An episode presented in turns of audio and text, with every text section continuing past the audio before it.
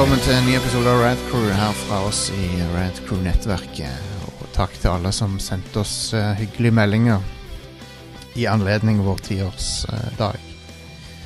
Det ble ikke noe, ta Ja. ja. ble ikke noe takkekort, um, for å si det sånn, men uh, det er jo noen som har spurt meg òg liksom, skal dere ikke gjøre noe spesielt. Um, og og svar, jeg har ikke planlagt noe. Det er svaret. Så nei, jeg vet ikke. Det er jo veldig true to form da, for Red Ja. Crew, Ja, men det er jo Jeg har ikke tid, jeg har ikke tid til det. Nei. Så jeg Vi tenker tar det som det kommer. tid- Når var det første episode? Hva dato var det første episode kom? Det var vel uh, den uh, 16. 2011.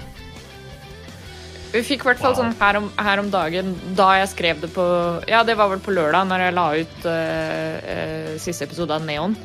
Uh, da fikk vi sånn derre Twitter uh, sånn her, Å, gratulerer! Du er, Ja. har vært ti år på Twitter i dag. Ja, for jeg starta sikkert Twitter-kontoen samtidig som vi lagde Ja. første episoden.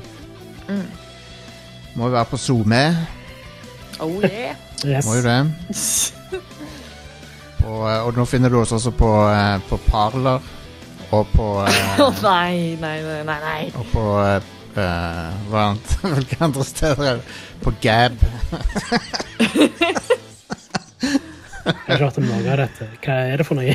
Det er sånn eh, konservative eh, Hvis jeg skal si Parler er sånn derre uh, right wing uh, Twitter.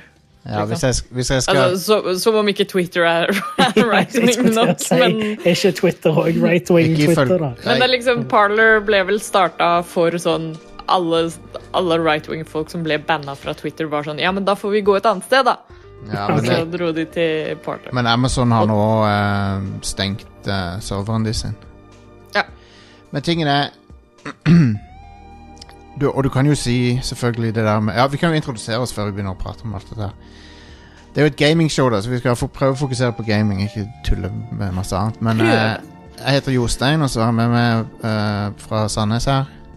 Are, hei. Um, jeg må snart til Sandnes, for jeg må hente mitt nasjonale ID-kort på politistasjonen. Må du til Sandnes for det? Ja, enten Sandnes eller Randaberg, så det er pest, sannelig pest eller kolera. Som man må, som man må velge. Har du ikke en politistasjon i Stavanger du kan bruke? De har ikke kontor som håndterer pass og ID der. Å ja. Kun i Jeg tror Randaberg. jeg bestilte passet mitt eh, i Stavanger, på Stavanger Ja, politistasjon, hvilket- men det er jo hvilket ti år? år siden snart. Ja, ikke sant? Hvilket år var det? For det, at Ja, de, har, ti- de, det er har, rundt ti år siden. de har ikke hatt det for lenge, eh, på lenge nå. Mm. Um, men også så har vi fra, eh, fra hovedstaden Det er meg, Ida Doris Joint. Yes. Um, nei, så Amazon de har jo da sperra serveren til de der parler og sånn. Um, Det er da enda godt. ja, men samtidig Altså, jeg, jeg kan ikke si at jeg er uenig i det de gjorde, men det er jo ikke så bra at de tech-gigantene har all makt. Det er for så vidt. Sånn, For det at de kan jo plutselig snu det på andre Mm. som ikke fortjener å bli banna. Ja, Så det er litt sånn eh, Det er et sånn tvega sverd-situasjon, liksom. Men uh, Det burde jo ikke være sånn at uh, noen få ja. noen få corporations styrer internett. Det er jo ikke sånn internett burde være. Men var det Amazon som eide den tjenesten? Nei, de har jo Nei. serverne, sant. Men de Ja, ok. det. Så de Så de bare bare bestemte seg for at uh, vi har ikke lyst til å ha noe med dette selskapet å gjøre lenger. Ja, for det, det, altså, så de avtalen. det hadde jo masse av de der opprørerne på den tjenesten Mm. Parler. Sant? De hadde jo planlagt mye av det der fjaset i Washington gjennom den Ja, tjenesten. Nå hører jeg en pipelyd. Jeg òg. Fantastisk. Det var feedback i headsetet Ida, tror jeg. Eh, nei, det var en pipelyd i hele leiligheten. Jeg aner ikke hva det var for er jeg fantastisk. noe. Kanskje vi må bytte batteri Hæ? på røykvarsleren eller noe. Hvorfor Kongen. gjorde du det? Oh, weird. Fantastisk. Hva var det han sa? Det var headsetet til Joakim. Ja, ja. Helt uti gangen. All right. Ok. Ja, ja.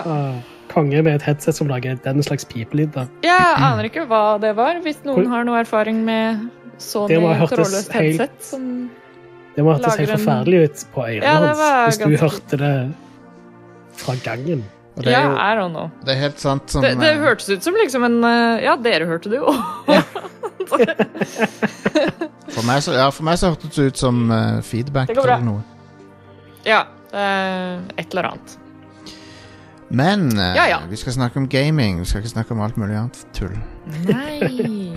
Eh, så vi hadde jo Back on Goaty Hadde jo Goaty-episode forrige uke, og den Vet ikke Vanligvis pleier det å være noen sure kommentarer, men det var ingen denne gangen. Så jeg, jeg føler Ja. kanskje vi ikke har gjort, gjort det ordentlig. Tror det generelt også liksom Game of the Year-konsensus for 2020 har vært ganske sånn Det har ikke vært et like strålende spillår som andre år, da, hvor det har vært liksom såpass mange hits. Men Ida, jeg er ikke helt enig, for jeg syns 2020 var bedre enn 2019. Jo, jo, jeg, altså jeg, jeg sier ikke at det ikke var eh, mye bra spill, men jeg føler at eh, de fleste sånn diskusjonene og, og diskursen rundt eh, forskjellige spill fra 2020 er eh, har, har ikke vært like sånn derre hills and valleys som, som Diskurs, tidligere. diskursen rundt dataspill er broken. Den er ødelagt. Ja, For, at du altså, kan, det er den jo uansett, for du, kan men ikke, eh, du kan ikke diskutere noen spill uten at det blir sånn uh, politiske skyttergraver. Så det, det, det, det, det er fullstendig fucka nå. Ja. Eh, Jeg syns eh, på uh, Goti-episoden så hadde vi ganske sånn gode og saklige argumenter. Ja, vi, Ja. had- vi hadde det. Alle snakket ganske bra om spillene, så mm, jeg tror ikke folk har så mye grunner til å være sure på oss i år. Nei, Nei. det er sant. Eh, Men ja, det jeg vil si om 2020, var jeg syns det begynte veldig sterkt. Men Mm. så dabba det litt av uh, etter mars, rett og slett. Og så skuffa jo Cyberpunk veldig mange, så Ja. um, Jeg kan jo ikke si at Det det. Jeg kan jo ikke si at uh, det var så bra som jeg håpte det skulle være, men uh, Mm. Men eh, for, meg, for min del så har det vært nok av bra ting å spille. Ja, ja, herregud, det har vært et veldig bra, bra spillår. Uh, men Men ja, det var gøy å ha den Goti-episoden som vanlig. Vi, jeg forstår det som at Den ble ingen, bra. ingen andre som gadd å gjøre det i år, så bare vi som hadde det. Ja. Jeg tror ikke Level Up hadde, jeg tror ikke Jeg tror Lolbua bare gjorde noe tullegreier, så vidt jeg har hørt. Jeg har ikke hørt på den episoden ennå. Uh, men de skal jo alltid være litt ironiske, skal de ikke det? Være litt sånn ironisk avstand fra ting. Litt Mm. tongue in cheek. Ja, de er for kule. De er for kule til Jeg tror at Giant Bomb har begynt nå nylig med sånn Ja, jeg så det. Jeg så det. Hva har de eh, gitt til foreløpig her? Jeg har ikke sett det ennå. Um, de har Day One Har de ikke artikler lenger? Må du høre på liksom fem timer uh... Skal vi se. Nei. De har ikke lagt ut en artikkel der du kan faktisk se hva som er godi. Kanskje hvis jeg klikker på den her. Nope. Hm. Uh, nei. Ok. Oh well. Uh, de snakker sikkert om Hades, vil jeg tippe. Det virker som det er ganske populært. Uh, men nå fant jeg ut at Hades sannsynligvis kommer på GamePass, sånn at uh, Oh, smooth. Så da Men jeg har jo nettopp kjøpt det. Ja. no. Jo men, jeg. Jo, men jeg vet ikke om det var PC GamePass eller om det var Xbox. Så det kan hende det bare var Xbox GamePass. Ja, det kan jo være. Og, eh, men jeg må si jeg fortsetter å være veldig happy med Xbox Series X. Det er en av de beste konsollene jeg har eid. eh, sånn, hvis du ser på hvordan, hvordan den funker, så er han helt uh, amazing. Og den uh, Mm. Når du har GamePass og sånn, så er det bare føles helt uh, fantastisk. Det er så mye å spille. Bil. Så jeg er veldig happy. Og PlayStation Now, folk sier at det er liksom konkurrerende tjenesten, men den er ikke like bra. Nei, absolutt. Eh, så eh, sånn er det. Men den er ikke så verst, den der dealen som Hvis du ikke eide PS4, og så, kjøp, og så kjøper PS5, og så får du den der pakka med PS4-spill, den er ganske Mm. bra. Det er ganske bra Det deal. er ganske nice. Men ja. Eh, så det vi har drevet med siste Ja, før nyttår så holdt vi på med det. Og det er å kåre alle sine favorittspill fra generasjonen som gikk. Og Mhm. Og eh, jeg har ikke gjort det ennå, men jeg, skal, jeg prøver å strekke det ut. Sånn at jeg kommer til sist. Men Ida, du, det er din tur nå. Oh yeah! Og, Det eh, er det. og du har da plukka ut fem spill som er dine favorittspill fra den forrige konsollgenerasjonen. Eller har jeg det? Ja, eller har du det? Jeg, jeg, håper, jeg håper du har det, for det var det jeg spurte om du kunne. Jeg har det. Så Som da- raska sammen den lista her. Five, four, three, two, one. Jesus. Det var litt høyt. En gang jeg hørte på en uh, Red Crew-episode jeg var ute og gikk, så spilte du av den lyden der, og så hørtes det så utrolig ut som at den pipe-countdown-lyden eh, kom utenfra. At, det- at det var liksom noe som skjedde der hvor jeg var ute og gikk. Og så ble jeg skikkelig satt ut. Jeg bare sånn Å, fuck, hva er det som skjer nå? Var du nervøs for at Jack Bauer plutselig skulle komme og Ja, ja, det var, til det var sånn? til og med sånn at jeg, jeg tok av meg headsetet og var sånn Hva skjer?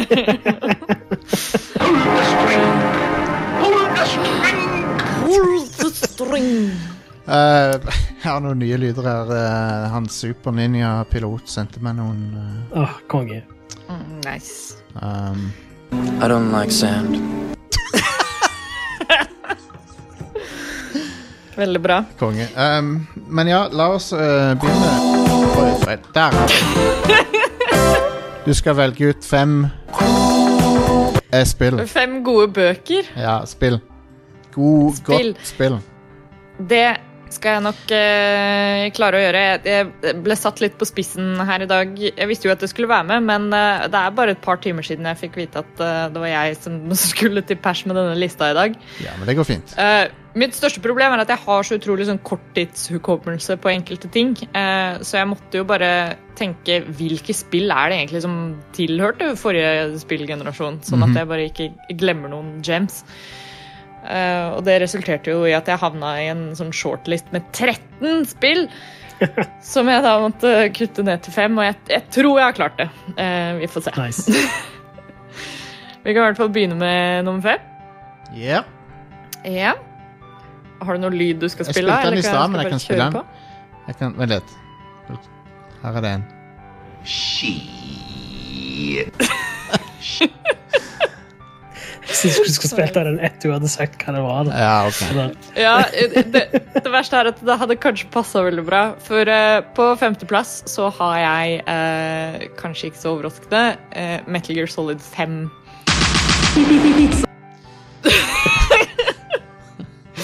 nice. Eh, kanskje et litt kontroverst valg. Eh, jeg tenkte litt på det når jeg satte sammen lista, at eh, Jeg vil bare disclaimer med en gang at det her er ikke nødvendigvis de spillene som jeg syns var best i forrige generasjon. Men det er mine personlige favoritter. Og, og, Ja, men det, det, det er alt vi bryr oss om. Ikke sant? Det var sånn jeg klarte å, å justify det for meg sjøl. For jeg, jeg hørte på alle andres lister i, i dag. Uh, og det ser ut som det går igjen, det. At det, det er litt sånn personlige favoritter. Og på tross av alle de vonde tingene jeg kan si om Metal Gear Solid 5, for det er ganske mange, det òg, eh, så syns jeg eh, det er vanskelig å ikke trekke det fram som en favoritt fra denne generasjonen. Rett og slett bare pga. hvor mye gøy jeg har hatt det med det spillet. Mm. Eh, si hva man vil om, liksom, om storyen og, og hele Hva skal vi si Hele circumstancene rundt release og hele Kojima-situasjonen. Altså, det er eh, mye å ta tak i i det spillet der. Men eh, når du koker det ned til bare selve spillopplevelsen eh, Alt open world-greiene du kan gjøre der, eh, valgfriheten du har, eh, hvordan du kan kreativt løse forskjellige ting og bare ha det gøy da, på, på tross av story, Mm. eh, er eh, noe som eh, Altså, jeg personlig jeg har aldri hatt det så gøy i et open world-spill før. Um, jeg føler ofte med open world så får jeg litt sånn choice fatigue. At jeg blir litt sånn Å nei, men ikke la meg kontrollere det her. Du må, du må fortelle meg hva jeg skal, skal gjøre. er liksom det jeg som regel har vært glad i i spill. Jeg skjønner. Um, men uh, Men ja, det hadde Hadde spillet vært litt sånn, sånn ordentlig ferdiggjort og forseggjort og, og ikke vært i midten av masse sånn kaos, så kunne det blitt så utrolig mye bedre. Og Det er kanskje derfor det er på bunnen av denne lista mi, men eh, jeg følte at jeg måtte i hvert fall gi det en plass. Eh, Ja. Rett og slett fordi det, det har bare vært eh, Det har også vært et sånt spill som jeg har kommet mye tilbake til. Ja, Eh, skjønner. Eh, For det er gøy å plukke opp en gang iblant og kjøre noen missions og Og, og ikke nødvendigvis bare for sånn flinkis-spilling og det å liksom teste ut hvordan kan du gjøre ting eh, ordentlig og bra, hvordan kan du løse missions på en kul måte. Du kan også være sånn Oi, nå skal jeg prøve et eller annet bare for moro skyld. Og spillet lar deg gjøre det, liksom, og det funker. Det er veldig, Det er eh, utrolig gøy. det er veldig bra designa gameplay i det spillet. Uh, Mm. Som ja, absolutt. Gir deg mye frihet til hvordan du skal angripe ting og sånn, men uh, det, det, ga, det ga meg ikke de tingene som jeg spiller Metal Gear for. Sånn at det da Nei, og, Mm. og det er jeg helt enig i. Altså, som sagt så ble jeg jo veldig sånn positivt overraska, fordi det er den gameplay-delen er som regel det jeg ikke har vært så veldig interessert i For- i de spillene sjøl heller. Altså, Um, så, så det, det bare det, Jeg var litt conflicted med det. Det var som om Absolutt. det er Som om de skulle gitt ut uh, et, uh, At GTA 6 var turn-based eller noe. Ja. Det er liksom OK, det er kult nok, det, men liksom, hvorfor har dere gjort dette? Ja. ja, jeg vil si at uh, sånn i, i Metal Gear-serien da, så er det det spillet som har det sterkeste gameplayet, men den svakeste storyen. Ja. Oh, absolutt. Det er men, og, altså, ja. Måten storyen er fortalt på, gjør sånn at gameplayet faktisk er bedre. da. Men mm, det er på bekostning av storyen, og det er ganske dumt for noen som er fan av Metal Gear-serien. da, sånn sett. Ikke sant. Det er jo uh, Og så er det for out there mye av det, syns jeg. Sånn, Ja. Det er jo De der eh, mikrobene, eller hva det er for noe, som reagerer på lyd, eller hva faen det var. ja, det er Metallic Archaea. Ja. The vocal cord parasite. Ja, what? Come on. For de, har gått, for de har gått fra Metal Gear Solid 1, det, der er det veldig lett forståelig sånn der, OK, det, det er et nytt atomvåpen, så du må stoppe.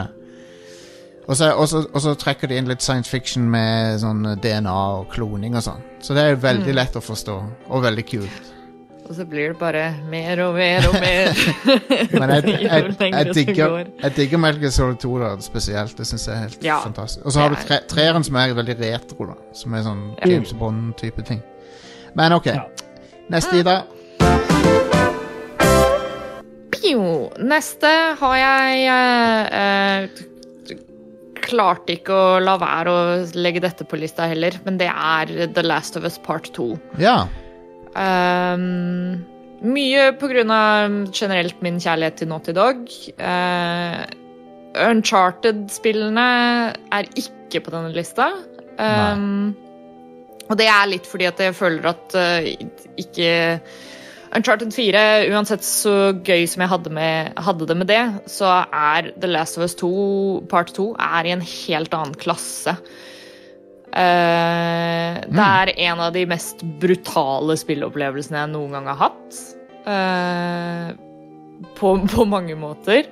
Mm. Eh, og, og vi har jo snakka det spillet her i hjel på, på podkasten her, føler men det kan liksom ikke nevnes godt nok. Én, eh, hvilken teknisk marvel det spillet her er, eh, ikke minst. Altså, som en sånn her utrolig fin krone på verket da, til PlayStation 4. Til å være en sånn eh, end of the era-spill. til å Naughty Dog har jo historisk sett vært utrolig flinke til å eh, pushe hardwaren til sitt ytterste. Mm. Og det kommer så utrolig godt fram i det spillet her. Det er environments og, og design som er helt sinnssykt breathtaking. Eh, og jeg, jeg er veldig glad for at min, eh, min syv-åtte år gamle base PS4 i hvert fall klarte å overleve den spillinga her. Uh, til tross for at jeg måtte faktisk ty til å bruke min Av en eller annen grunn eier jeg en ti meter lang HDMI-kabel. Og jeg måtte bruke den og sette Wow. PlayStationen min i et annet rom mens jeg spilte, fordi den eh, Jet Engine PS4-memen Det har aldri vært så mye lyd fra den PS4-en som da jeg spilte The Last of Us 2. Nice. Eh, så hvis jeg ville få med meg storyen, rett og slett, så, så måtte den vifta ut i et annet rom. Men, eh, men ja. eh, et helt fantastisk spill. Historiefortellingen er, er eh, ulikt noe av det jeg har sett i et spill noensinne. Eh, og, og det kan diskuteres mye, og jeg har sett, sett mange, mange synspunkter på det. Og men jeg tror min, min største takeaway fra det er rett og slett alle sånn De narrative grepene og sånn som er gjort i spillet her, er eh, så utrolig fengslende, og det, det er en av mange grunner til at Naughty Dog er og forblir liksom favorittstudioet mitt. Um, og de leverte liksom akkurat Eller ikke det engang, de leverte beyond forventningene mine for, for hva det spillet her kom til å bli. Ja. Um, så derfor måtte det med på lista. Cool. Nummer tre. Der har vi eh, sjølveste eh, Final Fantasy 7-remaken. Eh, rett og slett Altså, det er mange grunner til at den er der, men veldig mange av de er jo egentlig ganske selvfølgelige, vil jeg si. Um, men jeg tror kanskje mitt største point til at dette er eh, en av mine favoritter fra forrige konsollgenerasjon, er um, rett og slett Er det ett spill, kanskje bortsett fra, fra Half-Life 3, The Ever Elusive Half-Life 3 Er det ett spill som liksom har kanskje de høyeste forventningene noensinne, så var jo det Final Fantasy 7-remaken. Det er jo noe folk har snakka om i, i ja, helt siden Final Fantasy 7 kom ut, egentlig. Ja. uh, og, og det har jo Altså, før det ble annonsert også, så var det sånn hvis det noen gang kom til å skje, så er det en så utrolig stor undertaking, rett og slett bare for å møte forventningene. Eh, og det er en utrolig stor risiko. Det er, Også- jeg, jeg vil ikke si at det er en økonomisk risiko, for at de visste Nei, det nei, nei, selvfølgelig ikke. Men, men det er en, det er en uh, Kall det en slags fallgruve. Da. Det er liksom, hadde man gjort det litt feil, eh, så hadde backlashen vært så utrolig Ja, det enorm. det. Altså, det, er, det er et prosjekt som man, man måtte levert, eh, jo- og det har de så absolutt gjort. Du ser jo åssen det gikk med Cyberpunk. Uh, Ja, nettopp. Ikke sant? Kan- Hadde noe lignende skjedd med Final Fantasy 7-remaken, så hadde det jo blitt helt krise. Ja. Ehm, men så kommer det ut, og, og ikke nok med det, det kommer ut liksom som planlagt. Det florerte jo med vitser om at liksom, å, vi kommer ikke til å se dette spillet på flere tusen år. Og... Men det tok fakt... Men altså, de annonserte det i var 2013, eller? Nei, nå var Ja, det de ja, Nei, det var altså, ikke det- 2013, det var 2015 eller noe sånt. Så det tok Ja. fem år. Det tok sin tid, men, men, eh, men ja, det, når de sa liksom OK, det kommer denne datoen, og så kom det den datoen. Det var jo på Ja. det punktet at når jeg, når jeg plukka det opp på Elkjøp den dagen, så var jeg sånn Altså, det her må jo være en feil. Nå er det et eller annet Er jeg våken nå, liksom? Ja, det, det var jo faktisk sånn at det kom ut litt før, eller det var mulig Ja. å kjøpe det før det kom ut pga. korona. korona. Jeg, eh, jeg var jo en av de som fikk liksom, Jeg fikk kjøpt det den helga før det var intended release, sånn at jeg fikk mm. begynt å spille det der. Og jeg storkoste meg med det. Det er helt fantastisk. Um, altså, jeg har ikke vært noen sånn livslang fan av Final Fantasy 7, som, som mange andre som har gleda seg til dette spillet. Det, tvert imot. eh, Første gang jeg spilte Final Fantasy 7, var jo um, litt etter annonseringen av remaken, for jeg var sånn OK, nå er det kanskje på tide å få spilt det der legendariske spillet som alle snakker om. Eh, men eh, jeg storkoste meg, og, og det er en, et så fantastisk stykke arbeid. Eh, og du ser liksom all, all kjærligheten til originalen som ligger der. Du ser all kjærligheten til å også kunne adaptere det til et nytt og moderne spill. Altså det er en så utrolig fin balanse mellom den nostalgien og at det faktisk er en remake, da. Mm. Ehm, så ja. Det eh, er et spill som jeg har kost meg masse med. Kommer nok til å spille det på nytt igjen snart. Og gleder meg masse, utrolig masse, til å se hva de gjør videre med det. Nice. Da har vi nummer to eh, på lista di. Nummer to De beste spillerne fra generasjonen. Ja, her har vi et spill som eh, jeg er evig takknemlig for at Jostein pusha meg til å få spilt. Oi. Uh, og det er uh, det helt fantastiske Dragon Quest 11. Yeah.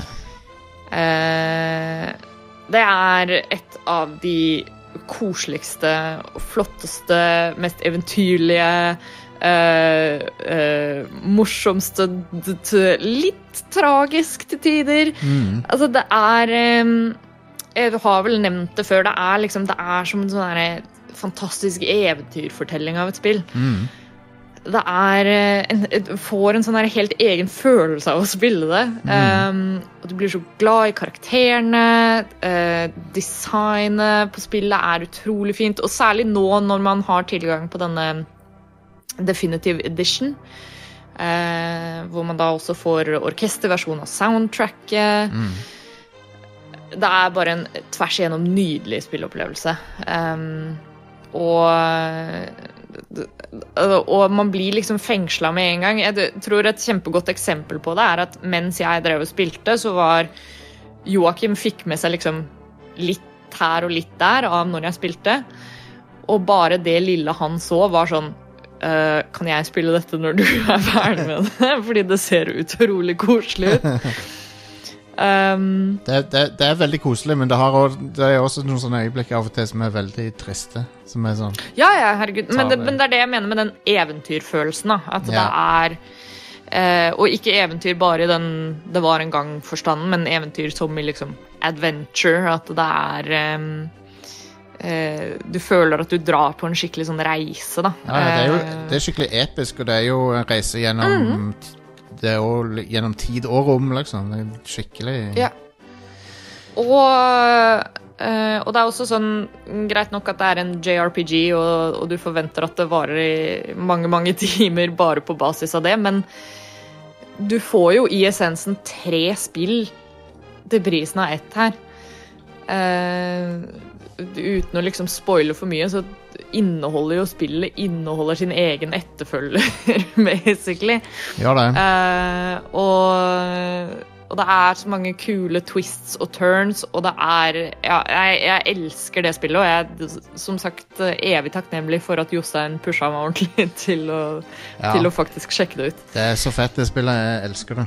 Ja, Det- det er helt nydelig. Jeg kommer garantert til å, til å spille gjennom det på nytt igjen snart. For det Jeg tror helt siden jeg spilte det første gangen, så har det ikke gått en måned hvor jeg ikke har vært sånn åh, Dragon Quest 11, det må jeg få spilt igjen snart. Og så må man bare finne de 80 timene.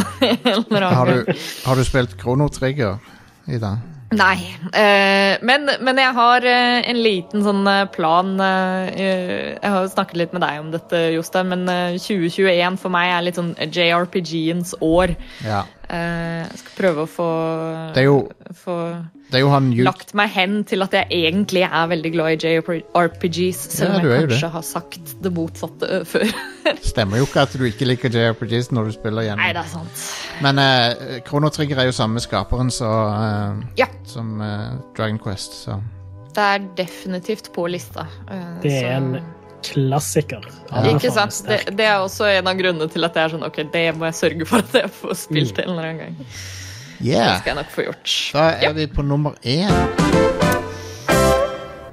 Oh yes. Dette var et litt tricky valg. Um, jeg har et par uh, honorable mentions som jeg bare vil kjapt uh, gå gjennom. bare for å liksom... Jeg føler meg litt dårlig for at jeg har ekskludert de fra lista, men jeg klarte liksom ikke å Nei, nei. plass til de. Må ha de med. Um, men det er uh, Return to the Obra Dinn har jeg lyst til å nevne. Ja, ja. Persona 5, selvfølgelig. Mm. Uh, Stardew Valley må få en liten shout-out. Jeg har brukt mange, mange timer i det. ja, ja, ja. Um, Alien Isolation. eh, Ja. Horizon Zero Dawn. eh, og Hitman 2. eh, har jeg også lyst til å gi en liten okay. shout-out til. Ja, ja, ja. Eh, ja, det det, Hitman 2 det er et spill jeg har hatt veldig mye moro med i denne eh, generasjonen. Men, eh, men jeg følte liksom Metal Gear Solid 5 tok mye av den samme plassen uh, Ja. som, Mm. som Hitman gjorde. Men min nummer én Jeg føler at jeg har liksom ikke noe annet valg enn å velge dette spillet. Og det er rett og slett Death Stranding. ja. Ehm, jeg, litt fordi jeg, jeg må på en måte bare stay on brand. jeg har ikke det, et, et, Jeg føler meg litt sånn kontraktbundet eh, til, til å syntes at Death Stranding er eh, en av de beste spillopplevelsene jeg hadde på, på PS4. ja. Um, men også jo mer jeg tenker over det, så er det et av de spillene som jeg, som jeg tenker tilbake på og, og likte best på, på mange måter. Fordi en av tingene som jeg syns er mest interessant med det spillet, er at de tingene som jeg ikke likte så godt, er fortsatt utrolig sånn interessant å tenke på. uh, I tro liksom Kojima-stil. uh, så er det uh, Storyen er helt coco bananas, du henger ikke med halvparten av tida, og det smører kanskje litt tjukt på iblant. Um, men uh, på tross av det, i, i grunn så ligger det et spill som er utrolig nytenkende. eh, og unikt eh, og merkelig og, og bare veldig, veldig intriguing. Og det er et spill som har, som har skapt meg veldig mye sånn ettertanke. Eh, og det er et spill som også sånn nå i Å spille de igjen i 2020 har vært en veldig sånn rar opplevelse. Eh, det er jo blitt på en måte denne tidens Metal Gear Solid 2, eh, med tanke på litt sånn eh, profetisk tekstualitet og um, ja. ja, sånne ting. Eh, men det er et spill som, eh, som fengsla meg på veldig mange måter, og, og jeg tror der igjen også, altså i, i oppløpet til release av Death Stranding, ingen visste hva dette spillet kom til å bli. Det- Alle visste at liksom, ok, det er Kojima unhinged, liksom. Det er jo en, en kjemperisiko i seg sjøl, bare det. Um, men jeg, jeg kan ikke annet enn å, enn å elske det. Um, jeg syns det fortsatt er et utrolig Det, det er et ridiculous spill. Uh, men uh, jeg syns det også er helt fantastisk og i en sånn liga for seg sjøl. Um, en, har du spilt det Du har ikke spilt eh, Elite Dangerous, har du det? Jo, jeg har faktisk det. Det er det samme Basically samme spill, bare, Bare in space. bare at du går til fots. Men uh, it, med, pluss at det, det er blanda Det er liksom det Elite Dangerous blanda med det derre Quop. ja. Det er det Death Stranding er. Er Veldig kondensert. Men, um, men nei, det er eh, et eh, kongespill, og for meg så blir det I hvert fall sånn personlig eh, Hvis jeg skal velge et spill som på en måte definerer forrige konsollgenerasjon for meg, eh, så er det Death Stranding. Ja, jeg, jeg digger det. Jeg syns det var dritbra. Og, ehm, Konge. men jeg tror det er veldig elsk-hat-spill. Ja, det er, det er absolutt et altså, Så mye som jeg elsker det, så har jeg vært veldig forsiktig med å anbefale det til andre å være sånn Å, shit, du må spille det, fordi jeg vet at det er et spill som du må liksom eh, Du må slippe det inn, på en måte, eh, for, å kunne enjoy det. Og jeg vet at det er mange som ikke kommer til å like det. På, altså, man kan eh, lese artikler opp og ned, og man kan snakke så mye man vil om hvor briljant det er, men, men hvis du ikke hvis det ikke appellerer til deg, så kommer det ikke til å gjøre det uansett hva du, hvilken vinkling du går inn for det. Fordi det er eh, noe helt for seg sjøl. Så vil jeg bare shout out helt på slutten at jeg syns det er utrolig koselig, bare sånn spillkulturmessig, at eh, all online interaksjon i eh, Death Stranding er utelukkende positivt lada. Ja, det, vil, ja Um, det, det, det, Stort sett så er det det. det er un unntaket er når folk Ja. parkerer biler for å trolle og sånn. Ja, men det men, Jo, men de, de patcha ut det. Fordi Ja. Spesif- altså de, Det kom jo en egen sånn anti-griefing-patch. Fordi det var sånn Hei, det er ikke sånn du skal spille dette spillet. Ja. Eh, fordi det er denne, hele det uh, budskapet om at liksom vi må samarbeide og vi må være du, snille med hverandre Sier du for at vi de, skal eh, kunne klare å overleve. Sier, sier du at de sensurerer folk i det? Det er jo bokstavelig talt eh, 1984. Ja, huff, huff. Jeg syns bare det er en, en utrolig sånn koselig bit. At liksom alt du, alt du er borti andre folk i spillet, er liksom Det er utelukkende liksom Det er tommel opp, og det er du kan sende de hyggelige meldinger, og du kan hjelpe de videre i spillet. Ja, ja.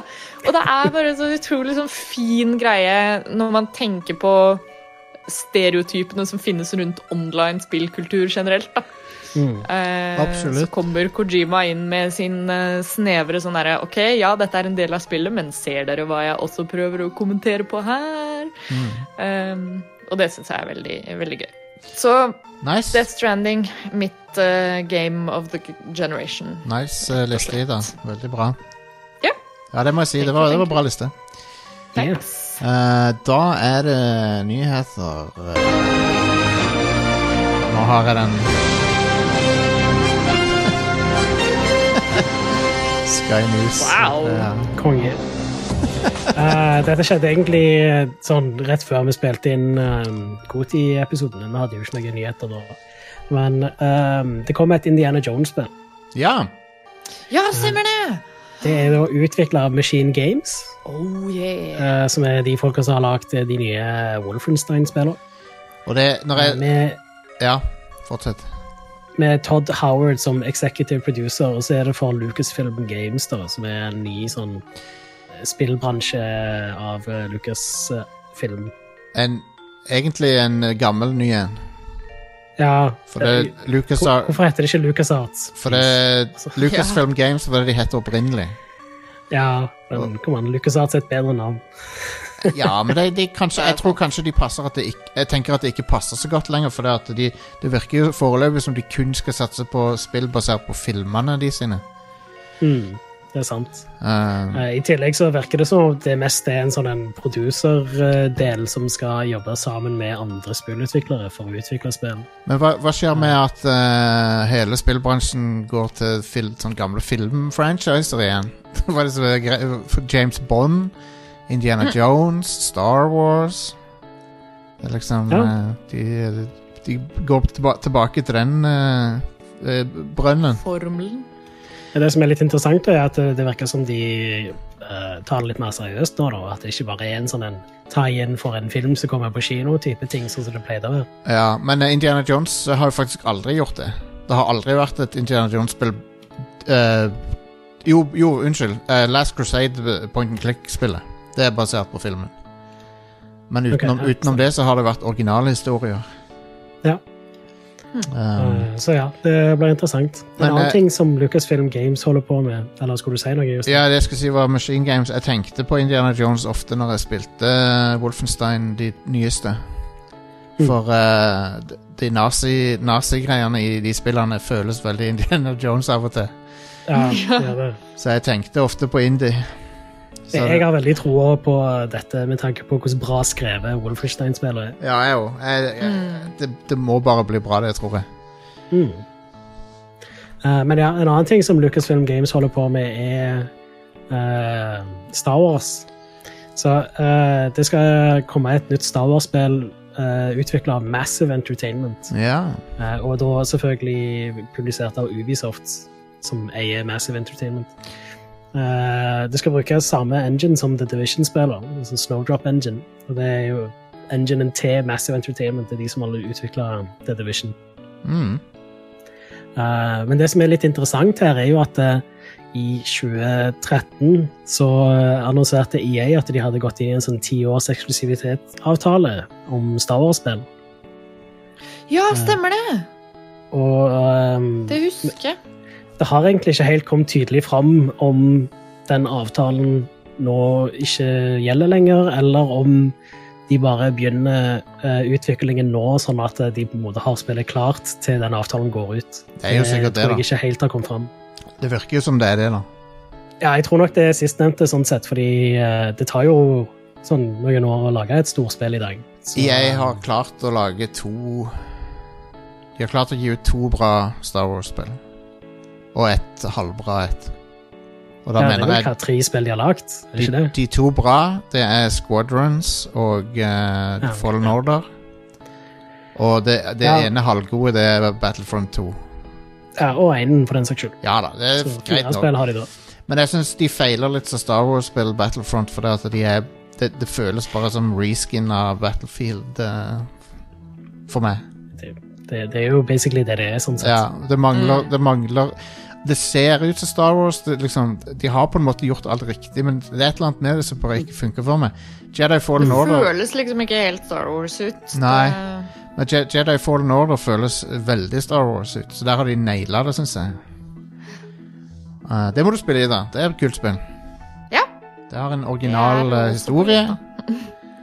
Og det har cool action og Nei, jeg liker det spillet. Yeah. Ja. Men Massive, det er Division-folkene, sa du?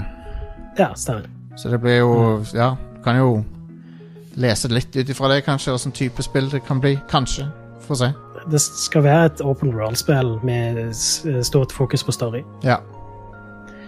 Uh, så ja, jeg, jeg tror det kan bli ganske bra, da. Uh, og jeg syns egentlig det er ganske fint at flere enn EA begynner å lage Star Wars-spill. Det betyr Ja. jo bare, altså Det å ha den eksklusivitetsavtalen det er jo egentlig ikke en positiv ting for spillere, det er bare en positiv ting for EA. Ja. Uh, så det at eh, andre studioer begynner å lage Star Wars-spill, konge. Det er kjempe. Enig. Uh, De har jo også sagt da, at EA fortsatt skal utvikle Star Wars-spill.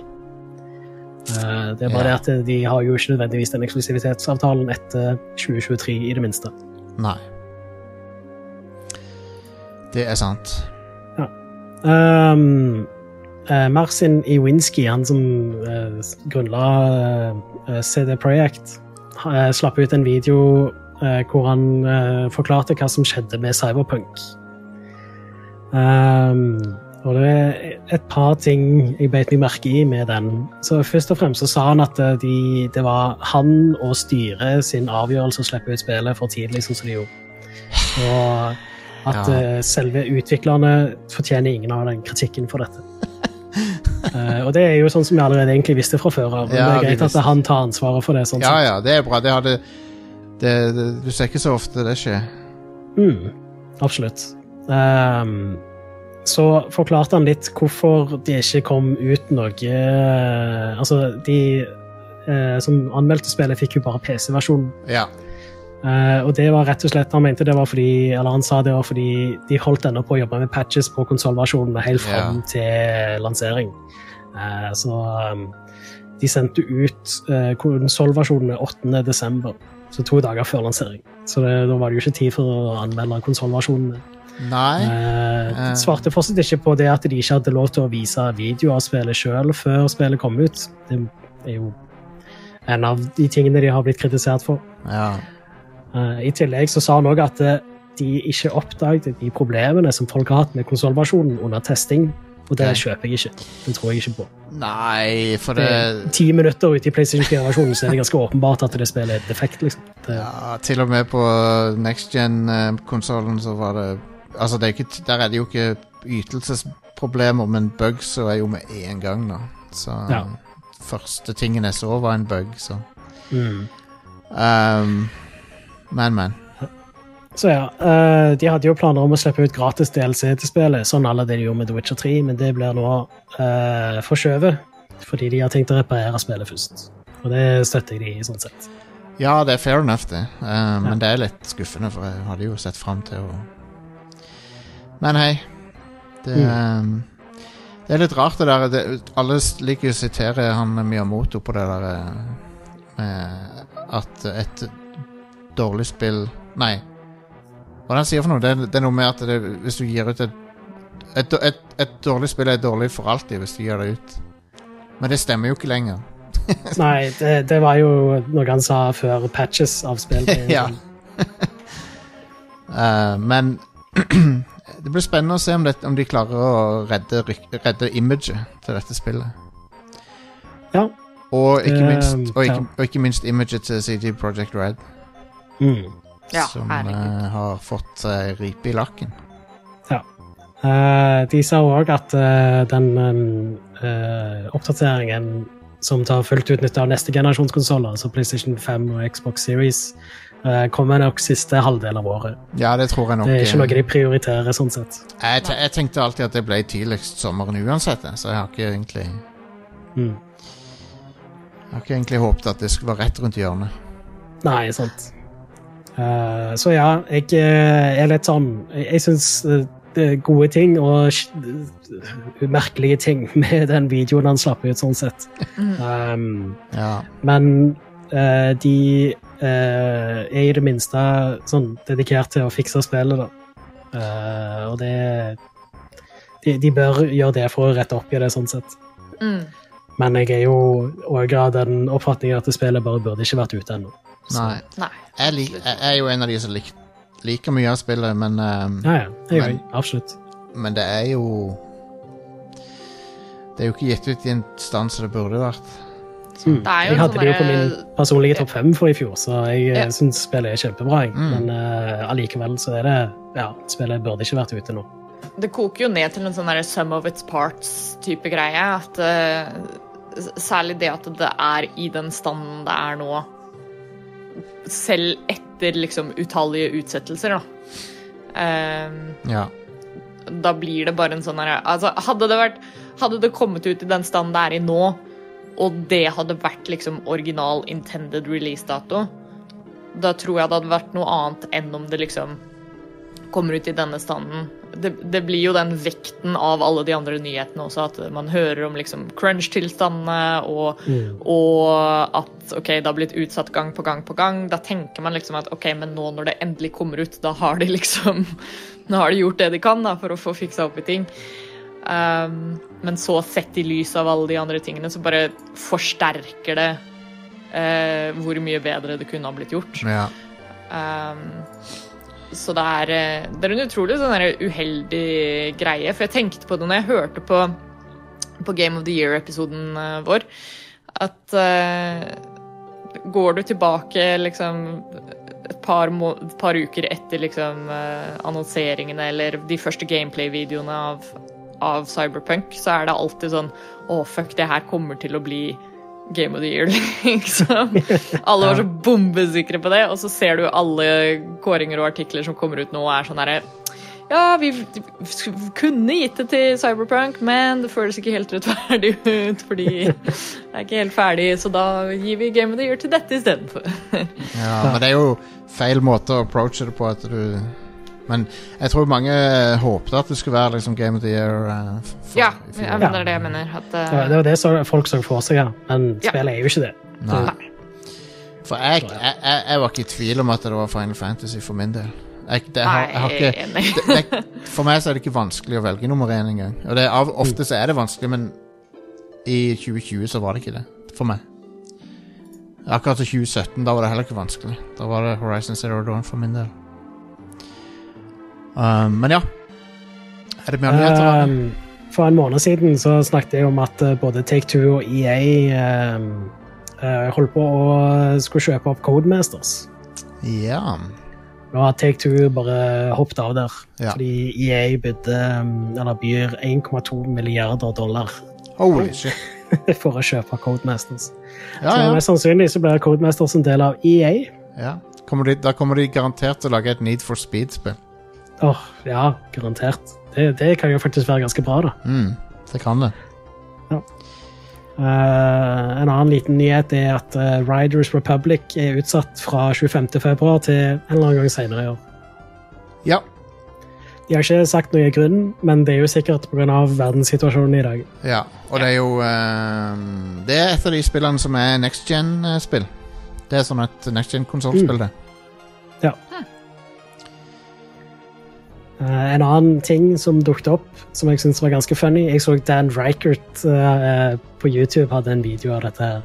Eh, det har kommet en mod til Golden Eye på Nintendo 64 Ja, ja, ja. eh, som heter Golden Eye with Mario Characters. ja. uh, og det er da rett og slett at uh, du spiller som Mario, men det er Golden Eye spiller Golden Eye. Nice. uh, så eh, alle fiendene er forskjellige sånne Cooper Troopers og sånt. Eh, og uh, i tillegg til at du kan spille gjennom alle levelene, så er det òg en siste level hvor du er i Peaches Castle. Og da er det fra Mario 64, da. Fantastisk.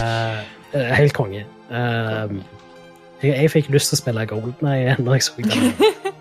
Er klassiker. Golden er konge, det. Yep. det soundtrack er også veldig bra i det spillet. Digger det. Det er det. Det er skikkelig bra musikk i det spillet. Jep. Nei, så det um, Men det har blitt uh, veldig sånn po populært å drive og modde Nintendo 64-spill nå i det siste, føler jeg. Ja. Det var en annen Golden Eye-mod òg, som var Banjo Kazooie putta inn i Golden Eye eller et eller annet. Ah, konge. Som var Det høres sjef ut. Ja. Put- de, de hadde putta Banjo Kazooie inn i, inn i den uh, første levelen i Golden Eye. Så det var noe sånt. Mm. Nice. Jepp. Um, den siste nyhetstingen er at uh, den japanske YouTube-kontoen for Apex Legends har skrevet at uh, Switch-versjonen for Apex Legends kommer samtidig som sesong 8, som Ah, er da altså 2. februar. Så fett. Uh, og den samme posten på den engelske har ikke denne teksten, da. Så eh, ja. Men jeg Det er tror-. Det høres uh, for meg noe som kan stemme. Altså, det, Ja. jeg, jeg tviler ikke på at det kommer. Uh, Mm, ja, de har jo annonsert at det kommer, men vi bare visste ikke helt når. ja, ok. Men nå ser det ut til å komme 2. februar, da. Hva annet var det? Eh, Som, samtidig som sesong 8. det var noe annet som var rett rundt hjørnet på Switch òg. Som var litt stilig. Mm. Kan ikke helt huske hva det var. nå. Hitman 3. Og kommer det på Switch? Gjør det det? Kommer det? det på Switch? Ja, det gjør det. Wow. What?! Det Stilig. Kanskje jeg skal spille det der. Det blir streama, da. Å ja, stemmer det. Så jeg ville heller spilt det en annen plass. Ja, det er balle. Det gidder jeg ikke å drive med. Nei, jeg vet ikke hva du tenkte på, Jostein. Ikke jeg heller. Jeg helt uh, Det er helt blank fra hodet mitt nå. Mm. Men vi kan jo gå over til ukas spillutgivelser. Utvalgte spillutgivelser. Ja, ja, ja. Hva er det som er ute som er verdt å se på? Det er da i morgen så kommer Hitman 3. Mm Det, det Det er er det til viktigste som skjer i morgen, for øvrig. Ja, det, det er det. Det er ikke absolutt. noe annet i hele verden som skjer 20. januar. 20. januar, nei. Nei, nei, nei. Nei er ikke en viktig dato i det hele tatt. nei. Nei. Det er bare Hitman 3. Ja, det er bare Hitman 3. For- Uh, det kommer til PC, Nintendo Switch, PlayStation 4, PlayStation 5, Xbox One, Xbox Series og Stadia. Så med tanke på den uh, politiske stemninga i USA og sånn, er det ikke litt sånn uh, funny at det spiller Det er veldig prekært at Hitman. Kommer ut samme dag som innsettelsen. Det er veldig nydelig. Ja. et spill som heter Jeg gleder meg Hitman? sykt til det spillet. Uh, Ja, jeg Jeg så, jeg så en anmeldelse hvor det var noen som påpekte at det er en level der som er sånn derre britisk crime-drama, murder mystery. Konge. Nice. Uh, og det var en fyr som sa Jeg leste en anmeldelse hvor han sa at den levelen er det morsomste han har hatt det i et videospill noensinne. Altså sånn uavhengig av sjanger. Har du han Nice. bare hadde det så gøy. Men har du spilt den uh, mordmysterielevelen i Oblivion, eh, Ida? Når du er morderen? Ja, ja, ja. Det er så bra. Ja, den, er, den er dritbra. Ah. I love it. Helt fantastisk. Det er ingenting i Skyrim som lever opp til den, syns jeg. Nei, hvorfor er det ikke flere sånne ting i spill? Sånne, mo- sånn, eh, sånne ting. Sånn mord, sånn Agatha Christie-type ting, for det er jo dritgøy. Du må spille Nei, Hitman, men. Da får vi det i Hitman 3, da. Am Ja. Among us er jo på en måte et sånt et, men uh... Ja. Men Hitman er veldig sånn, Ja, det er sånn som det oppdraget i Skyrim. Ja, det Nei, er- Oblivion, mener jeg. det er jo det. Det, er det. Jeg bare føler meg klønete med kontrollene i Hitman. Jeg føler meg så sykt sånn der eh, stressa. Med en gang det er et eller annet som går galt, så bare Å, shit, hva gjør jeg? Så, Å, men det er akkurat det samme. Men, men det jeg syns er eh, så gøy med det, er at det, det eh, Fordi spillet er såpass campy til tider, så, så funker det, liksom. ja. Selv når ja, du får en sånn derre. Ja, veldig. Så selv når du får en sånn her helt botched playthrough, så, så funker det på sett og vis, fordi det kan fortsatt være en, en artig historie at liksom Ja. Å, her er professional hitman, og så jo- gjorde han dette, liksom. Jeg kjøpte jo Hitman 2 på tilbud på Xboxen nå. Så mm, Ja. jeg kan se om jeg kan spille gjennom det først. Før jeg spiller Mm. Ja. Og, og jeg føler Hitman 2 var eh, mye bedre enn det første. Altså det, det bare Mm. bygde videre på de tingene som var bra i det første, Ja, ok. Eh, og bare perfeksjonerte det. Så, Ja. I, I tillegg så uh, er humoren veldig mye bedre i Hitman 2 Ja, enn og, uh, det og okay. jeg Hitman. lo så mye når vi spilte det. Det er så utrolig gøy. ja, så kult.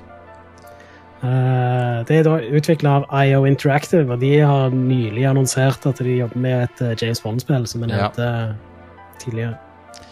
Det, Så det, det også, tror jeg blir bra. Jeg tror de er det rette studioet til å lage James Bond. Altså. ja, det ser jeg fram til. Mm.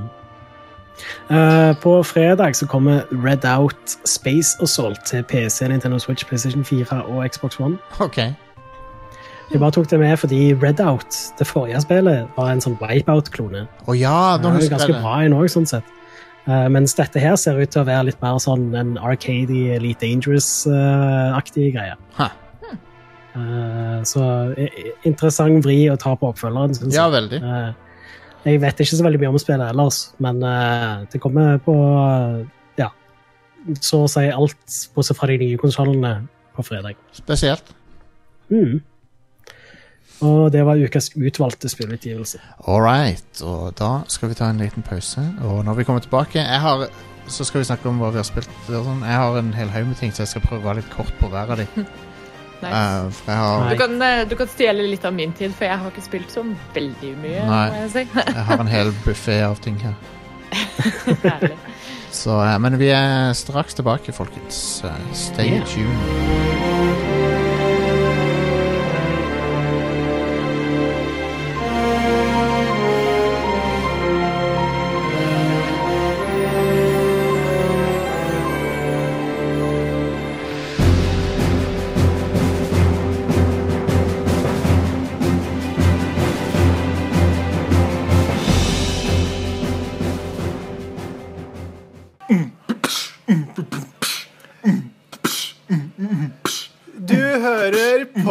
Rad Crew med Beats by Level Up.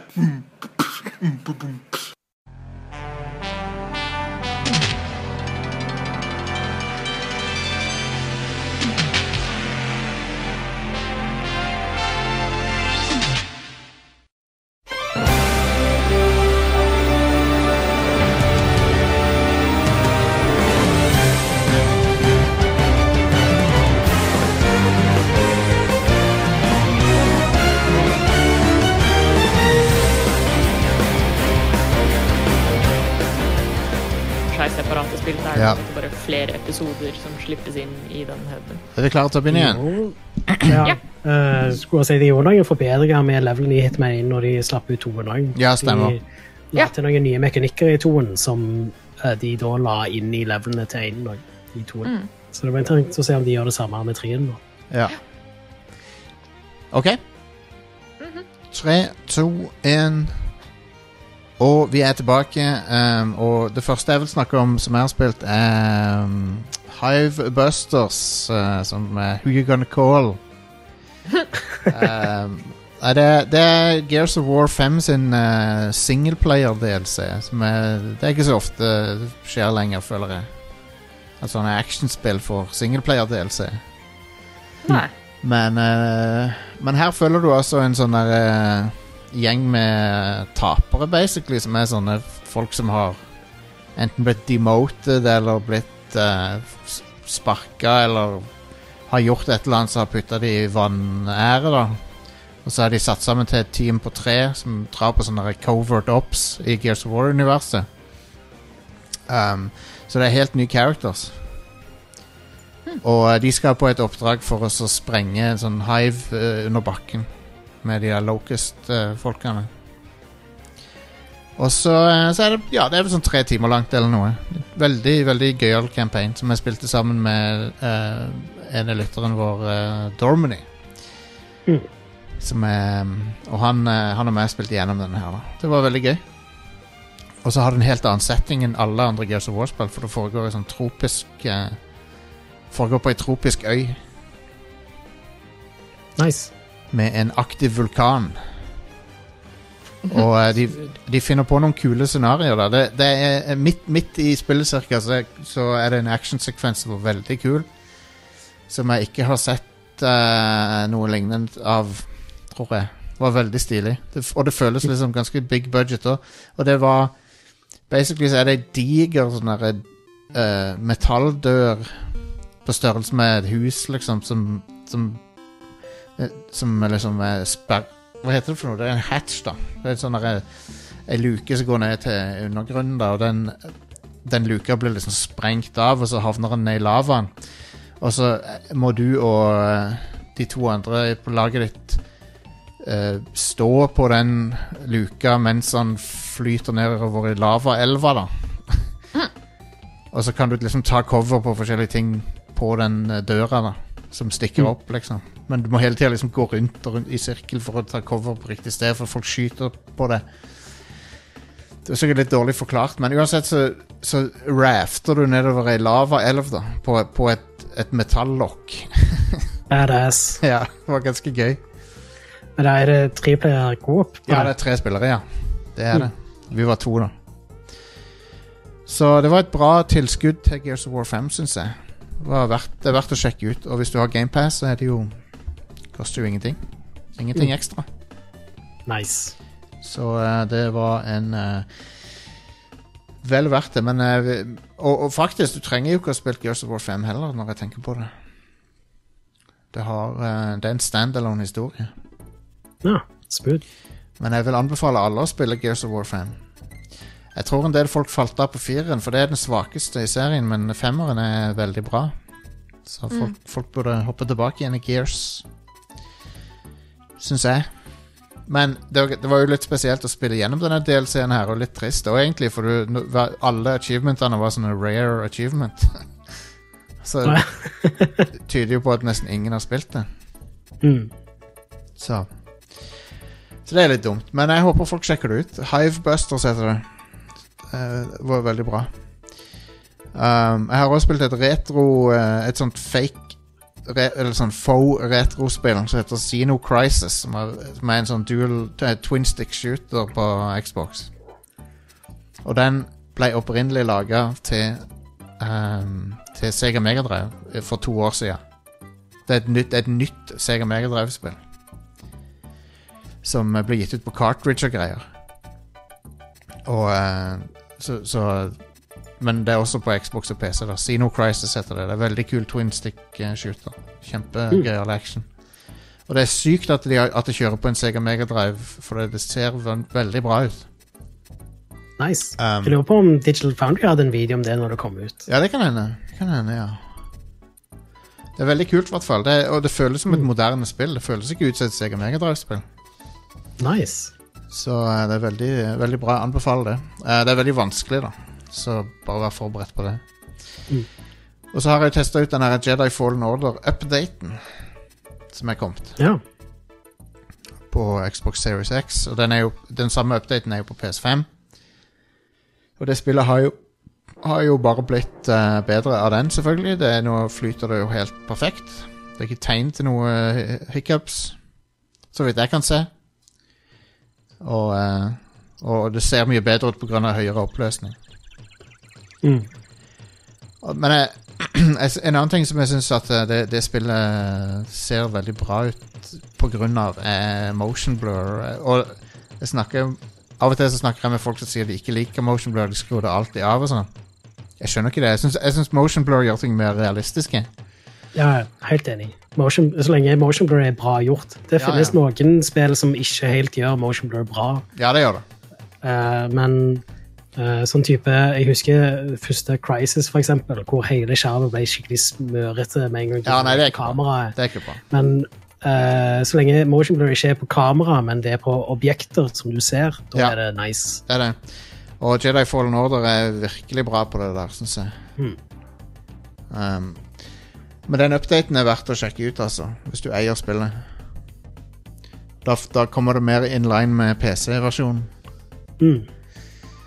Um, og så har jeg runda endelig, så bestemte jeg meg bare for å gjøre det. Jeg runda Shadow of the Tomb Raider. Fra, når er det? Fra 2018? Ja, det er vel noe sånt. Ja. Og det syns jeg var jeg, Jeg står ved det jeg har sagt hele tida, at det er det svakeste av de tre nye. Mm. Uh, men jeg, jeg bestemte meg bare for Jeg må liksom komme gjennom det. Så viste, Ja. du, viste jo seg at jeg var Dit jeg hadde kommet, så var jeg bare liksom et par timer unna runde. Ja. Uten at jeg visste det. Men eh, da fikk jeg jo alle achievementene på nytt da, på Xbox. Jeg synes, uh, Hvis jeg skulle ha på en måte sammenlignet alle de spillene, så syns jeg egentlig det er det sterkeste av de, men innen det kom ut, så var jeg på en måte allerede lei av måten de spillene er satt opp på. Ja. Og så, Så jeg var, sånn sett så syns jeg òg det var det svakeste. Det var det jeg kjeda meg mest med. Jeg, klart. jeg likte det nok til å runde det. da. jeg klarte ikke å bry meg om storyen i det. Ja, Jeg klarte ikke å bry meg om storyen i Rise of the Tomb Raider heller. for den saks skyld. Synes storyen var kul nok i det første av de, men Ja. det var mest pga. karakterutviklingen til Lara. Uh, Men de slutta jo- godt. Men de har jo slutta å utvikle characteren hennes Altså, de, Mm. de, de slutta med det i toeren. Og så har de bare... Ja, stemmer det. Hun, hun hadde litt karakterutvikling i én, og så etter det så har hun bare ja, ikke hatt noe karakterutvikling i det. Nei, det er veldig merkelig. Veldig, veldig rart, det de gjorde med henne. mm. Men jeg syns gameplayet var best i The Shadow of the Tomb Raider. da. Ja, det kan jeg være med. Så jeg gjorde litt opp for det eh, sånn storymessig, da, sånn sett. Det er jo veldig gøy at du kan smøre deg inn med gjørme og sånn. Og kan være skikkelig Rambo og Predator. ja, det, det er veldig badass. Du, jeg vet Ja. ikke om du har sett det, Ida, men du tar liksom hånda ned i gjørma og så smører på fjeset, og så Jo, jo, jo. kan du stille deg inntil gjørmete vegger og sånn, og så bare stå og vente på folk med kniven ute sånn. Oh, yeah. Shit, sh- Ta og stabbe de. Mm.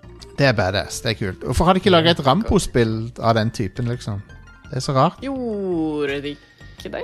Nei, de har laga et Rambo-spill som er helt forferdelig. Som uh... Det, det kom vel et på PlayStation 3 og Xbox 360 sist, Ja, tror jeg. ja, som det- var lagd av et sånn ja, eh, det, var, det var ikke så veldig mye budsjett og sånt bak det Ah, okay. tror jeg. No. Men det var vel en sånn lightgun-aktig shooter, Det er lightgun-spill, ja. ja, uten at det er en lightgun-spill. Men uh, Rambo er litt sånn Kanskje litt utdatert om dagen. Og jeg tenker kanskje på Det jeg tenker på, er Rambo i Mortal Kombat 11. det er det jeg tenker på. Ja, han er med Jeg var, sånn der, var det ikke noe de annonserte nå nylig? Jo, jo. Uh, han er med i den nye Mortal Kombat, og eh, han er konge i det spillet. Ja, ja. Har mye bra replikker. og det er vel Sylvester Stallone som har stemmen til han? Nei, de har faka det. Ja, ok. De har faka det med han, de har faka det med Terminator og ehm, Robocop. Robocop er nok ikke Peter Weller, nei. Nei. Nei. Men det er jo ikke de vanskeligste stemmene å fake. da Det er jo veldig sånn lett å par parodiere. Ja, ja. Men de passer jo bra inn i Mortal Kombat. Ja, visst. si. Um, og så har jeg spilt um, Devil May Cry 5, uh, den oppdaterte versjonen til konsoll. Yeah. Og den har jo alle mulige slags eh, bells and whistles, som uh, raytracing og 4K native, hvis du vil. Um, jeg tror du kan kjøre 4K native og raytracing i 30 eller 1080p raytracing i 60. Så, også kan Dette spillet kan ikke være bra i 30 FPS. altså. Nei, det ser ikke så bra ut. Og så um, har du Hvis du skrur av raytracing igjen, sånn på 1080p, så får du 120 hertz. Det er sikkert nice. Ja. Men eh, det ser bra nok ut i 60, altså, syns jeg. Det er helt, helt ok, det. Og eh, Nei, det er gøy. Det er et veldig bra actionspill. Anbefaler uh, alle som liker character actionspill, uh, uh, å spille Devil May Cry 5. Eh, Det er liksom Ved siden av Bayonetta så er det vel det beste i den sjangeren. Ja. Devil May Cry var vel det første sånn moderne character action-spill av den typen, var det ikke? Jo, de fant det opp. Det var Ja. en ny, ny sjanger på den tida. Mm. Som var liksom 3D-versjonen av sånne brawler, eh, 2D-brawlere. Ja. Og så God of War ble vel mer populært enn det igjen, men uh, var aldri i, i nærheten så bra. Enig.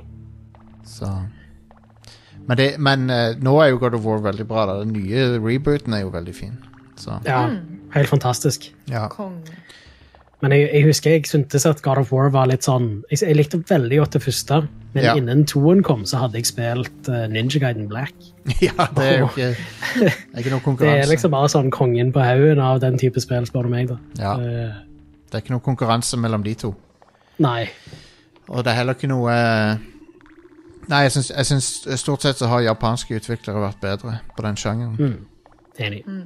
Um, jeg følger en fyr på Twitter som heter Sunhi Legend eller noe sånt. Følger, har, du, har du sett han der? Om det er han som lager sånne uh, vilt imponerende videoer Ja. uh, fra spill, sånn Ja, ja, ja. clips. Han, Han gjør eh, imponerende shit. ja, jeg vet det. Jeg skjønner hvordan han får det til. Han la ut noe sånn Bayonetta-greier nettopp, som bare er noe av det villeste. Altså, jeg, ting som jeg ikke visste du kunne gjøre i spillet engang. Ja, ja. Wow. Eh, Så han er bare Han er så vilt god. Men Monster Hunter-klippene hans er jo helt syke. ja, de er helt ville. Han har nok en Breath of the Wild-klipp òg, har han ikke det? Jo, det kan hende. Det kan hende nå. Jeg tror det er det jeg har sett mest av han. Ja. Nei, jeg vet ikke. Han er bare en sånn Han er en bra gamer. Han er en, en trick gamer, rett og slett. ja, ja, han klarer å gjøre triks. Ja. La, jeg tror han la ut noe av Vanquish òg, nettopp. Ah, fett. Det er bra trickspill, ass. Ja, det er det. Absolutt. Alt Platinum lager, er vel egentlig bra trickspill, sånn sett. Ja, Ja. Men før jeg, før jeg avslutter min runde her, så vil jeg nevne Jeg driver og spiller Jeg holder ennå på med 13 Sentinels, som jeg nevnte så vidt på Goaty-episoden. Ja. Det er så jækla bra, det spillet. Det er så ja, kult. jeg har lyst til å prøve det. Det er, det er jo sånn kaleidoskop-fortelling der det er 13 storylines som går samtidig. Og det høres ut som det er vilt vanskelig å følge med på. Men det er egentlig ikke det, for at måten de serverer det på til det, er veldig sånn De klarer å gjøre det oversiktlig, da. Fett. Men det er 13 skoleungdommer. Um, og, så finner, og, så og så skal du liksom pusle sammen puslebitene til hver timeline for hver elev. da. For hver, hver av de der eh, ungdommene som går på den skolen. Uh, men, men så vet du liksom på et eller annet tidspunkt i the far future da, så er de alle involvert i en krig mot kaijus der alle har hver sin mech. da. Badass. Men, men så, så driver du og bytter mellom de der mech tactical gameplayet med sånn skole Henge på skolen-greier. Og så, og så vet du liksom ikke helt hvor Når er det overgangen skjer, liksom? når er det de havner inn i mech-suit og begynner å slåss mot kaijus? Det høres litt ut som en blanding mellom Persona og Neon Genesis Evangelion. Ja, det er absolutt det. Det er det det er. Mm. Og Konge. i tillegg den her filmen Primer. Som har jeg er, ikke sett, tror jeg. som er det, det, for, det er sånn forvirrende time travel-film. Ok. Um, så han ene, han ene skoleungdommen jeg, jeg skal ikke spoile så mye storyting, for jeg vet jo ikke så mye å spoile heller, for jeg driver ennå og liksom setter sammen brikkene. Men uh, han ene duden han driver hele tida og opplever samme dagen om og om igjen. Eh, og så er det sånn hva, hva er det som skjer, liksom? Hvorfor For hver, hvert nye kapittel med han begynner sånn Ok, da var skoledagen over, og så kommer kameraten din og sier sånn Hei, vi må til kantina, for der er det en dude som har eh, den VHS-tapen eh, vi fant ut at vi skulle se. Det er en sånn kaiju-film som de har lyst til å se. Men vi må skynde oss til kantina, for han fyren venter på oss. Og så hver gang du kommer dit, så har han nettopp stukket. Um, og så Og så skjer det liksom om og om igjen, da. så det er sånn Groundhog Day-opplegg. Eh, og det er, det er bare en av de 13 historiene, da. Og det er veldig fascinerende. Og så har du Og så er det Det er litt sånn point and click adventure-aktig òg, fordi du har Du kan eh, in, Du kan ha Du har et slags inventory, og så kan du bruke de på forskjellige ting. Og så har du tanke, tankebobler, så du har topics du kan tenke på eller snakke om. Så du, har, du kan ha sånn indre monolog om de tingene, eller du kan spørre folk om de. Eh, så det er, det er 50% visual novel, 50 uh, tactical uh, turn-based sånn Nei, det er realtime, faktisk, når jeg tenker på det. Um, Realtime tactical sånn anti-kaiju-spill som foregår på et sånt holo Isometrisk hologramkart over byen. da oh, Dritfett. det, men, men det er sånn, det er sånn halvveis abstrakt. Sånn at uh, kaijusene ser ut som sånne Space Invaders og sånn. Så du får, du får liksom ikke se I, i action-gameplay så ser du bare sånn abstrakte representasjoner av ting. Der, sånn på, på et sånn ta tactical holokart. Så det er et veldig spesielt, uh, interessant spill. Men det har også helt nydelig animasjon og tegninger. For det er jo de folkene som har laga Dragons Crown og um, Hva mer er de har laga? Odin's Fair. Ja. Vanillaware. Vanillaware, er ikke det de heter? Jo, Vanillaware. Og de, de har den stilen, så de har litt, litt tona ned, da. Så det er ikke fullt så mye TNA og sånn. Så de har pleid å ha. Det er ikke den vidleste kløfta du har sett. Nei, men det er Men hun sykesøstera på skolen, hun er liksom Ja, okay. Hun har eh, noen huge knockers. Oh, yeah. Men hun Men hun, hun er den Så vidt jeg kan se, så er hun den sånn Biologisk sett den eldste personen i spillet. og Hun er 31. men, men jeg er ikke helt sikker på det med sånn faktisk alderen på mange av de folkene. For det, er, det er så mye time travel fuckery som foregår at jeg vet ikke helt. For han ene fyren han, han ene fyren sin storyline begynner i 1940-tallet. Å ja. Og så finner han ut om kaiju, så det, og, og så finner han ut om de der Mex-utene som de kaller for Sentinels. Da. Så tenker han ah, de Sentinelsene, det høres ut som noe vi kan bruke mot USA, liksom. For det er, det er på 40-tallet. Ja, ja. Så han tenker ja, ja. Og så, og så, og så senere sier er han sånn at ah, Hvis vi hadde hatt de Hvis vi hadde visst om den teknologien, så hadde vi klart å ta USA, liksom. Så det, det er en veldig spesiell story.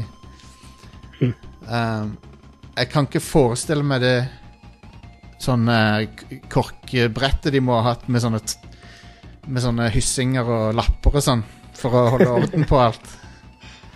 ja. Det, ble, det er sånn som det er meme.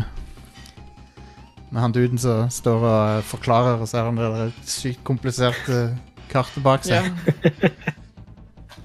Men jeg, jeg, jeg digger det. Jeg syns det er uh, utrolig fascinerende sci-fi-story. Som uh, det ser ut som han er på vei til veldig interessante steder òg. Mm. Og så hver, hver nye storysegment gir deg bitte litt mer sånn info. Så det, det er stilig. Og det, det action-gameplay er òg ganske kult, altså. Du, og, du opp, og så kan du oppgradere de Mac-ene dine med bedre armaments og sånn. Eh, og så er det hele tida, målet er i de kampene å overleve lenge nok til at du kan aktivere super, supervåpenet som du har. Så du, for du har en sånn EMP-aktig greie, så det er alltid liksom Du teller ned til du kan aktivere den, der, og da er du safe, men så er det alltid sånn at du må liksom overleve til det Til du klarer å aktivere den. Så uh, det, de, de har Vanillaware har definitivt gått utafor komfortsonen sin. For det er, noe, det er helt annerledes enn alle andre ting de har laga. Mm.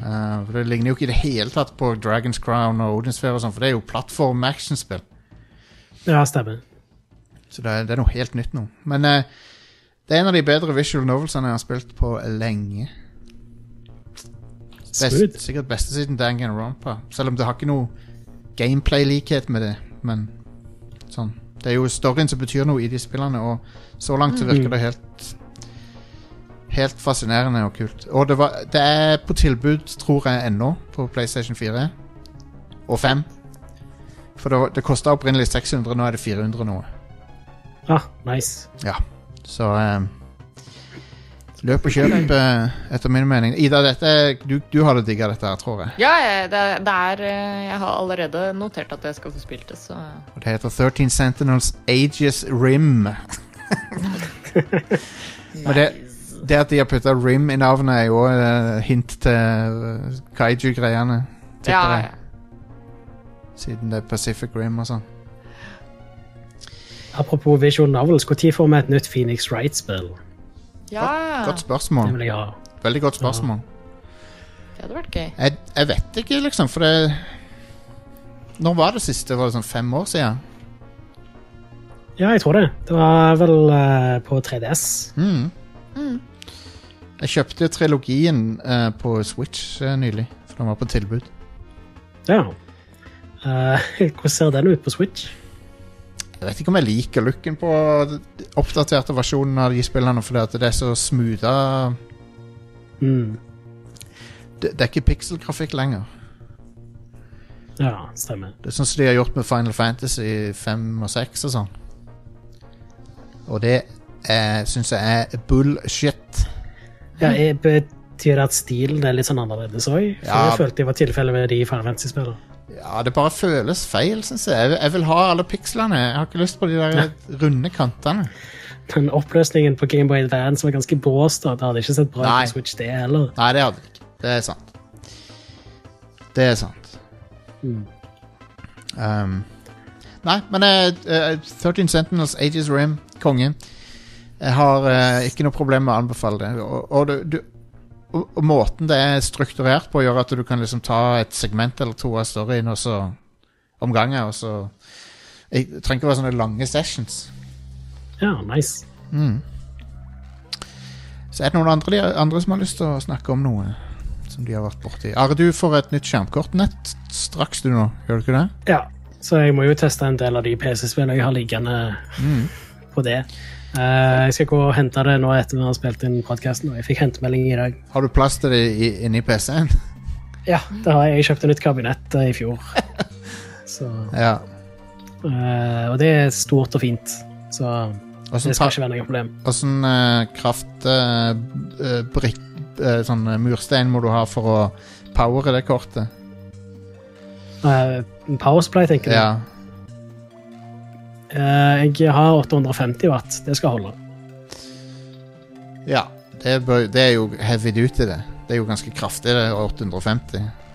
Ja, jeg kjøpte det hovedsakelig for å aldri måtte oppgradere det igjen. Ja. Eh, Så jeg tror um, du, de anbefaler enten 650 eller 750 for 3080. Jeg husker ikke helt hva det var.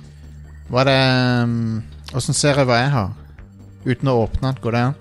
Nei. Eh, hva slags power supply du har? Ja. Jeg tror ikke du kan Kanskje stå i biosen. Jeg vet ikke ja.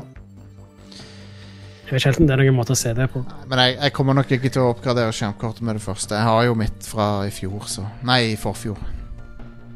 Eh, 2019 er mitt fra. Ja, ja Jeg kjøpte jo mitt i 2016, tror jeg. Ja, det er jo mega-upgrade for din del. Ja, jeez. Ja, jeg har, har 1080 Ti, da, så det er ikke den store oppgraderingen. er jo mest at jeg får uh, DLSS Å, ja. og uh, samtidsstrålesporing. Ja, strålesporing får du. Så det er nice. Ja. Etter jeg begynte å Etter jeg begynte å sitte på do istedenfor å stå, så trenger jeg ikke strålesporing lenger. det går fint. Jeg bommer ikke lenger. Mm. Nice. Men ja eh, jeg, jeg har um, kjøpt eh, Hades. Eller Hades, om du vil. Hades bærbare, ja. Nice. Ja, yep. Har du fått spilt det nå? Eh, Så det, det klarer jeg å kjøre ganske fint i 4K60 fra før av, så jeg vet ikke helt om jeg trengte noe skjermkort for å spille det. akkurat. Men har du, har du prøvd det ennå? Ja, jeg har spilt i noen timer foreløpig. Er det kult? Og det er ganske bra. Uh, jeg syns sånn av uh, Rogelights-messig så syns jeg fortsatt Spelunky og Spelunky 2 har det beste gameplayet. da. Ja, ok. Alle sånne spill jeg har spilt. Men det, jeg er jo veldig fan av 2D-plattformer, og det er ikke helt sammenlignbart. Eh, men det jeg liker veldig godt med dette, er sånn hele strukturen rundt det. Mm. Eh, for det er en kontinuerlig story som du eh, Du låser opp måte, nye ting i storyen etter hvert som du spiller. Går liksom rundt og snakker med folk, og du får nye samtaler med dem i hvert run. Ja. Eh, og så oppfordrer spillet deg til å eh, variere veldig hvordan du spiller. Hmm. Eh, på en ganske fin måte. Eh, og det er sånn som bør være i et sånt type spill, da. For ellers så pleier jeg liksom kjøre meg fast i å finne noe som er mest effektivt, og så bare holde meg til det. Eh, men dette la, både oppfordrer deg til å eksperimentere med litt forskjellige ting, i tillegg til at det lar deg eh, låse litt fast hva type eh, sånn eh, power-up du begynner med, da, som kan være ganske nice. Eh, Mm. så ja, eh, det, det er en ganske bra design av Rogalight, sånn sett. Det fin Men jeg eh, syns selve gameplayet, sånn top down action-gameplayet, er, det er greit, bare. Ja. Det er jo fin stil på det, da. Ja visst. Og det er jo kommet eh, masse fanart eh, ut av det spillet. Ja, det, sånn eh, Presentasjonen generelt sett er top notch. Ja. Det er jo alltid Supergiant uh, ganske flinke på det. Ja, de er det. Så, De er det. ja. Nei, det, Men jeg, jeg har bare spilt i noen timer. Jeg gleder meg til å spille mer av det. det er på lista mi òg for spilt, men eh, nå, nå leste jeg at det skal på GamePass, så da tar jeg og drøyer det til det dukker opp der. Konge at det kommer på GamePass akkurat etter jeg har kjøpt det. Det er risikoen. Det er det som er, det er, det som er risikoen med GamePass. Ja. men det blir jo eh, kult når uh, uh, Forhåpentligvis kommer Ubisoft til GamePass, leste jeg. ja, stemmer. Og det, Det, det kan bli ganske bra. Jeg, Ja, eh, det- det kan jo krysse fingrene, i hvert fall. mm. Jeg vet ikke helt om det er bekreftet, eller om det bare var rykter. Nei, jeg vet det heller ikke. Jeg tror ikke det er bekrefta. Jeg tror ikke det er bekrefta. Men det høres ikke usannsynlig ut. Nei, nei, de har jo allerede EA og sånt. Iallfall på Xbox. Det kommer jo på PC senere. Ja. Uh, det var Jeg hoppa litt inn i Destiny 2, for det har jo også fått en sånn update. Så det er jo 60 frames og 4K og sånn på de nye konsollene nå. Men idet jeg hopper inn i Destiny 2, så er det sånn hvor skal jeg begynne? For det er så mange Du begynner med å spille et annet spill heller. Ja, for det er, så, Ja. det, er sånn, det er så mange ikoner. Og det er så mye sånn som blinker. Det er sånn Så mye greier. Ja, det er sånn Åh, jeg orker jeg, liksom? For jeg vet ikke Jeg vet ikke Det føles så slitsomt ut. Og så er det sånn Har jeg nå tatt med meg alle challengene og questene som jeg bør for å få mest mulig ut av å dra ned på den og den planeten? Skjønner du hva jeg mener? For du har de der miniquestene mini-questene som du må ta med deg Mm. i inventoryet. Så er det sånn Har jeg alle de nå, eller er det Så jeg blir bare stressa av Destiny 2. Stresser meg ut. Ja, jeg tror det er sånne ting som eh, Hvis du bare hadde kontinuerlig spilt det siden det kom ut, så, hadde du vært, eh, så hadde de introdusert nye ting litt sånn etter hvert, så du Ja. bare ble vant med de i gamle tider. Ja, ja. Når du hopper rett i det nå, etter jeg vet ikke helt hvor mange ekspedisjonspakker som har kommet til Destiny 2, Nei, det er jo noen. det er en del, ja. og da har de jo sikkert introdusert en ny type loot og og ny type currency for hver ekspedisjon Ja. som kommer. Det, det er for mange det jo- ting. Ja. Det, det, det, er sånn, det er sånne ting som folk gjør narr av Rare for, med Donkey Kong og sånn. Collectathons. Ja, og det, sånn er jo Destiny 2 nå, at det er jo så jævla mye forskjellige currencies og ting og tang. Mm. Jeg blir stressa. For jeg føler at jeg ikke utnytter det bra nok. Så jeg føler at jeg liksom ikke spiller optimalt på en eller annen måte. Så det, jeg orker ikke. Jeg tror ikke jeg orker det. Ja, fair enough. Eh, jeg har spilt litt eh, Destiny 2 Coop med eh, noen venner av meg, og det var right, men jeg, orker ikke å spille det spillet alene. Altså. Det, det er right Coop-spill. Ja, du må spille det med noen. Du må det. Ja. Singleplayeren er ikke bra nok til å spille alene. Nei. Um, jeg har litt lyst til å spille World of Warcraft-ekspansjonen, for den skal visst være veldig bra. Ja. Visste dere at de har kutta ned til 60 level cap igjen? ja. Det har jeg fått med meg. Ja, Det er en interessant avgjørelse å ta, da. ja det er det. Uh, det er spesielt. Men jeg, jeg støtter den ideen. Jeg syns det å ha over level 100 i et spill er håpløst. Så- Ja, det føles uh, rart. Så, men det, de har jo på en måte gjort det for å Nå, nå har de liksom motvirka inflasjonen i spillet. Mm.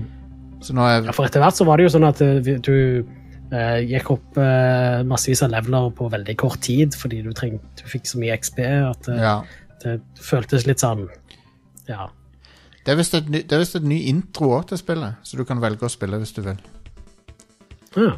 Um, Som, så du kan enten være i de gamle startområdene områdene, eller et nytt et, som du kan begynne på level 1. Hmm. Så eh, det er litt, jeg har litt lyst til å sjekke det ut, men jeg vet ikke hvor mye koster den ekspansjonen. Er den full pris? Um, skal vi se Shadow Shadowlands, er det den heter? Ja. Den koster uh, Koster ah, OK, det er ikke så gærent. 39 euro. Det er jo ikke så ille. Nei. Jeg syns det er litt mye jeg for en expansion pack. Å jo. Men det er World of Warcraft. De har råd. det. det er jo en faktisk expansion med mye content, så det er jo fair enough. Og de uh, De kan uh, ta og kreve World of Warcraft taxes på det. Ja. Det er vel det de har pleid å koste, er det ikke det? Jo, det er det. Det, for, det for, forrige jeg spilte mye, var Legion. Ja. Og det, det var fire år siden, eller noe sånt. Hva var det som kom mellom Legion og dette? Um, Warlords of Draenor, var det en ting? Kom ikke det etter det? Ja, Og Battle for Azeroth. Battle for Dead Azeroth. Ja, Warlords var før Legion. uh, det jeg trodde. Ja, ok. Uh, her er de. Skal vi se. Legion, Battle for Azeroth. Å ja, så det har bare vært én siden Legion. Imellom. OK. Ja. Uh, men Legion likte jeg godt, da. Men uh, Battle for Azeroth virker det som ingen likte. Nesten. Har ikke noe tall på det, da, men jeg bare så masse folk som klagde på det. Og så har du jo Classic, da, selvfølgelig. Ja, stemmer. Som jeg ikke likte noe særlig. Ja, det er ikke helt min greie heller. Altså. Nei. Uh, sorry, folkens.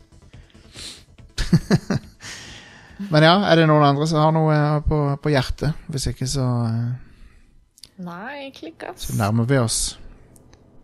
Ja, jeg vil komme meg til butikken og hente champagne. Get så- that graphics. Post i butikk. Det, er, det, er det post i butikk uh, Var det Kiwi som er i nærheten av det? Jeg må til Kvadrat, Oh, god damn it. Ja, nei, så men da jeg må finne fram munnbindet og Ja, Sucks. Jeg går alltid med munnbind nå på butikken. Ja, jeg òg Ja. gjør det. Same. Det er påbudt her i Oslo, så Um, her er det påbudt når du ikke kan holde avstand. Å ja. Her er det Ja. påbudt uansett. Ja. Men folk holder jo ikke nødvendigvis avstand, så så, det er greit å bare ha på munnbind uansett. jeg, ble, jeg blir litt provosert uh, når jeg ser uh, Når jeg har på meg munnbind, så ser jeg en kafé full av pensjonister, og så har liksom én av de på seg noe. Bare sånn Driver jeg og inconvenien- inconveniencer meg sjøl for ingenting, liksom? God damn it! Fuck off. ha på dere munnbind. I hvert fall dere som er pensjonister. Skjerpings. tar jeg, Ja, ja. Jeg, jeg, tar, jeg tar ikke feil, sant? Jeg har rett. De burde Så jo må for at du henger ut spesifikt pensjonister, og ikke alle andre som ikke går med munnbind. Nei, men det er jo det jeg så her om dagen. da En kafé ja. full av de. Der de bare gir faen, liksom. De som er mest sårbare. Jeg ser massevis av folk i faen uansett hva alder det er. Ja da, det er sikkert eh, Det var bare anekdotisk eh, bevis. Jeg har ikke noe statistikk på det. Men jeg ser mange yngre som går med munnbind. da Mange, mange ungdommer som jeg ser er flinke til det. Så Ja. Jeg, I det siste så har jeg sett at flere folk har vært flinke til å gå med munnbind, eh, og eh, mye mer enn det det var tidligere. ja, her i Rogaland, ja. Her er det blitt mye Ja. bedre. Eh, men jeg, det, hvem som ikke går med munnbind, varierer veldig. Det er ikke bare eldre folk eller yngre folk. Det er Nei. veldig sånn variert. Ja da, det er nok det. Eh, men OK, Radcrew er tilbake neste uke, og da blir det sikkert litt Hitman uh, trippel. Yeah, prat. jeg er gira. Yeah. Du har, uh, har du kjøpt det? Nei, Nei. men jeg tenkte jeg skulle gjøre det i morgen når det kommer. Nice. Spill det på nye maskinen. Ja. Nye, nye kortet, mener jeg. Yes. Nå kjøper du på Epic, eh, Epic Store. Hvis jeg kjøper det, så blir det nok på Series X, da. Um, Ja. For jeg antar at det er laga native til det. Det er tilgjengelig. Uh, ja, det tror jeg det skal være. Ja. Så det er nice. Uh, men ja, vi er tilbake på lørdag med Radcrew Nights, og det får du tilgang til via patrion.com. Oh yeah. Og det patreon.com slash radcrewpodcast. Um, du kan eh, støtte oss enten på månedlig eller årlig basis, og da får du uh, tilgang til det showet. Ny episode på lørdag. Folk ser ut til å fremdeles like Radcrew Nights. Yeah. Samme hvor mye vi prøver å gjøre det dårligere. Nei da. Det virker så det virker så folk digger det, så, så, og det er veldig gøy å lage det òg. Og der vil du nå til på lørdag høre meg, Alex, eh, Jack og Vegard. Og hvem vet hva som skjer på det showet? Hvem vet? Who knows? Men neste, neste torsdag så er det selvfølgelig mer Radcrew. Så vi ser dere, folkens. Vi ser dere rett som det er. Oh yeah. Da gjenstår det bare å si stay safe, og vi snakkes om ei ukes tid. Ha det bra.